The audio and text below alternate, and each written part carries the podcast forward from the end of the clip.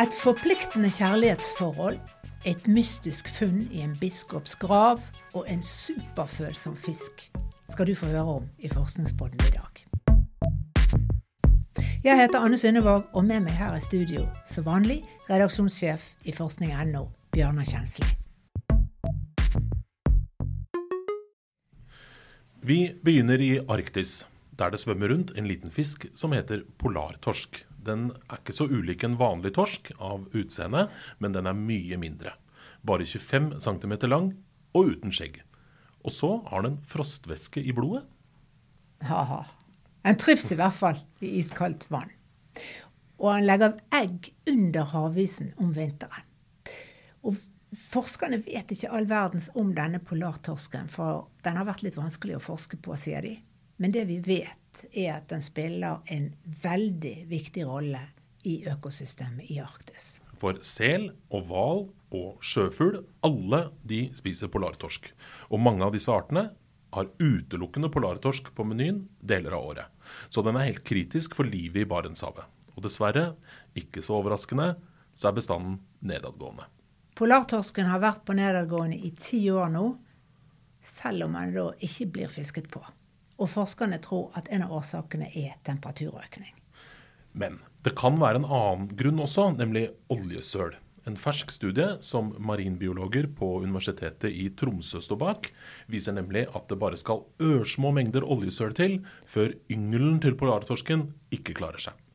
Det forskerne har gjort, det var at de dro på tokt i Barentshavet, tok med seg voksen polarfisk hjem til laboratoriet i Tromsø, og så ventet de til de la egg utpå vinteren.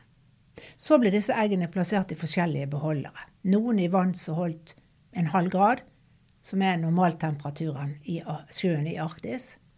Andre i en vanntemperatur på 2,8 grader, som klimaforskerne frykter kan bli resultatet av klimaendringene som nå pågår. Og noen av beholderne inneholdt rent sjøvann, mens andre hadde vann som var ørlite forurenset av råolje. Veldig små mengder, altså som tilsvarer ja, fem dråper råolje i et 50 meters olympisk svømmebasseng. Så det var ikke snakk om synlig oljesøl i disse akvariene i laboratoriet der eggene skulle klekkes. Det var ikke noe regnbuefarga olje som flyter på overflaten, bare usynlige komponenter av råolje som løser seg opp i vannet. For det er nemlig noen komponenter i råolje som er vannoppløselige. Og det er den typen oljesøl som er det mest sannsynlige at skjer i Barentshavet. Etter et oljeutslipp vil små komponenter bli fanga i havisen, og de smelter seinere ut i vannet som gammel eller fortynnet olje. Og det var en sånn situasjon forskerne prøvde da å simulere i laboratoriet. Og hva skjer så med yngelen som ble utsatt for disse ørsmå mengdene av råolje? Det var det forskerne studerte her. Og det de fant var ikke oppløftende. De fulgte nøye eggene fra de ble befruktet, til yngel klekket, og så videre til yngel ble så stor at han begynte å spise. Da viste det seg at eggene de klekket raskere i det akvariet som holdt 2,8 grader, enn i det som holdt en halv grad. Eh, ellers så var det ikke noe forskjell i hvor mange egg som overlevde i de to beholderne. Men så, da fiskeyngelen begynte å ta form, da skjedde det noe. Den yngelen som var utsatt for oljesøl, den ble deformert, så kjeven og ansiktet og øynene ble rett og slett misdannet. Så misdannet at yngel ikke klarte å ta til seg næring. Og den yngelen som ble utsatt for både oljesøl og den høyeste temperaturen, fikk de alvorligste misdannelsene.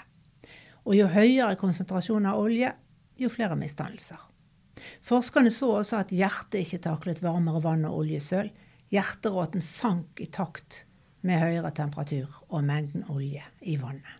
Ja, og så er det verdt å merke seg da at kombinasjonen av disse to, altså varmere vann og oljesøl, var verre for yngelen enn summen av de to hver for seg.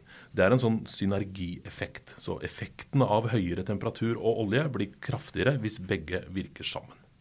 Det denne studien også viser, er at polartorsken er følsom for selv superlave nivåer av oljeforurensning og at dødeligheten øker ytterligere hvis havet blir varmere. For da yngel var stor nok til at den skulle begynne å spise, så hadde 23% overlevd i det bassenget som holdt riktig arktisk sjøtemperatur, men som var oljeforurenset. mens bare 8% overlevde i det bassenget som både var oljeforurenset og holdt en høyere temperatur.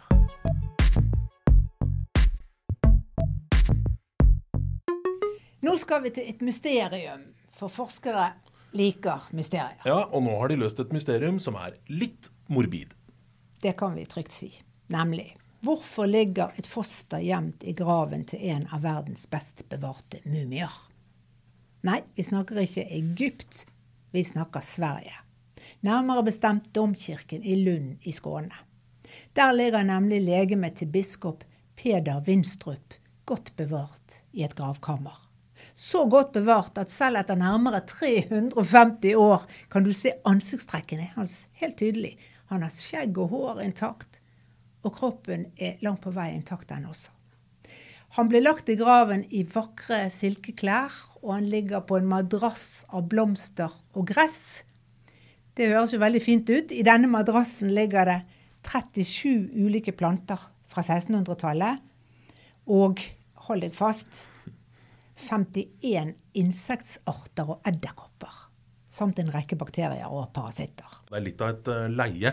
Uh, og før vi kommer til fostermysteriet, så må vi si litt om hvem denne biskop Peder Winstrup egentlig var. Han var født tidlig på 1600-tallet, og han ble ikke bare biskop i Lund. Han var også mannen som overtalte svenskekongen til å opprette universitetet i Lund. Han var en ekte renessansemann, kunnskapshungrig med et bredt interessefelt. Han var professor i fysikk og i filosofi, og han var arkitekt, boktrykker, turistguide, for å nevne noe. Ja, en arbeidsnarkoman, rett og slett, som døde i en alder av 75. Og han fikk en overdådig grav som forskere ved Universitetet i Lund åpna for å undersøke nærmere i 2013. Og da fikk det seg en overraskelse. Kroppen var mumifisert. Biskopen så ut som han hadde sovet i 340 år. Det var det ene. Men like overraskende var det at de fant et foster gjemt under føttene hans. Et foster på fem-seks måneder. Og hvem var det?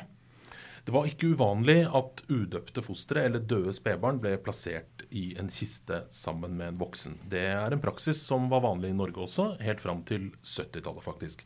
Og Det ble gjort for at den udøpte da, skulle få ta del i kirkens seremonier. Og det behøvde ikke være noe slektskap mellom det udøpte fosteret eller spedbarnet og den voksne som ble begravet. Forskerne har likevel lurt på hvem det ufødte barnet kan ha vært. Om det har vært noe slektskap der til biskopen. Og den som leter, finner. DNA-prøver viser at fosteret var en gutt som var i slekt med biskopen. For de to hadde 25 like genvarianter. De fikk også treff på Y-kromosomet, som viser at slektskapet lå hos fosterets far. Ja, så Forskerne landa da på at fosteret mest sannsynlig har vært et barnebarn av biskopen, altså sønn av biskopens sønn, som også het Peder, med mellomnavnet Pedersen, så han het da Peder Pedersen Winstrup. Og sønnen Peder var trolig et sorts sort får i familien.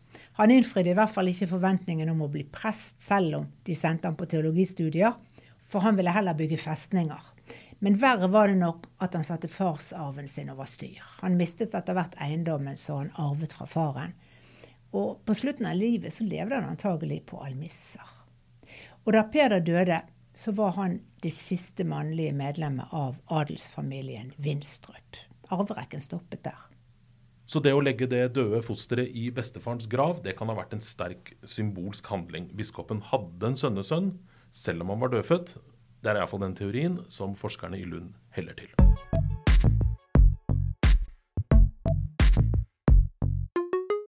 Vi gjør nok et tematisk kvantesprang, for nå skal vi til TV og strømming. En medieforsker har nemlig undersøkt kjærlighetsforholdet mellom norsk TV og folket. Ja, Og hun er ikke bekymra for forholdet. Det blomstrer faktisk. Det har bare endra karakter, som forhold flest. Til det bedre, skal vi tro medieforsker Vilde Skanke Sundet ved Universitetet i Oslo. Hun mener at norsk TV opplever en gullalder om dagen. Aldri har vi hatt så flinke folk i TV-bransjen. Aldri har vi brukt mer penger på å lage TV-drama. Og aldri har norsk TV vært mer populær, også i utlandet. Sier medieforskeren altså, som har sett nærmere på nettopp norsk TV-produksjon. Hun har skrevet bok om TV i strømmingens tidsalder. Og som vi vet, det er mye som har endra seg i TV-verden de siste ti åra. Se bare på NRK. Det har Skrankesundet også gjort. Det var en gang da NRK hadde monopol at Statskanalen kunne sende nesten hva som helst, og folk så på. Og også i tiårene etter at monopolet falt og vi fikk flere TV-kanaler, så var det fortsatt sånn at NRKs programskapere i hvert fall et stykke på vei kunne lage det de selv ville, så lenge programmene kunne sies å oppfylle allmennkringkasterens mandat. Dvs. Si at de fylte demokratiske, sosiale og kulturelle behov i samfunnet. Det var honnørordene. Men programskaperne trengte ikke tenke så mye på hvordan programmene ble servert seerne, eller hvor mange som så dem. Ja, Dette vet jo kanskje du litt om, som har jobba i NRK i noen tiår? Jeg vet det, og det var sånn i radioen også. Ja, men sånn kan de ikke tenke lenger. For konkurransen har blitt mye skarpere, og ikke minst, ja kanskje først og fremst, pga. strømmetjenestene Netflix og HBO og Disney pluss osv. Så, videre.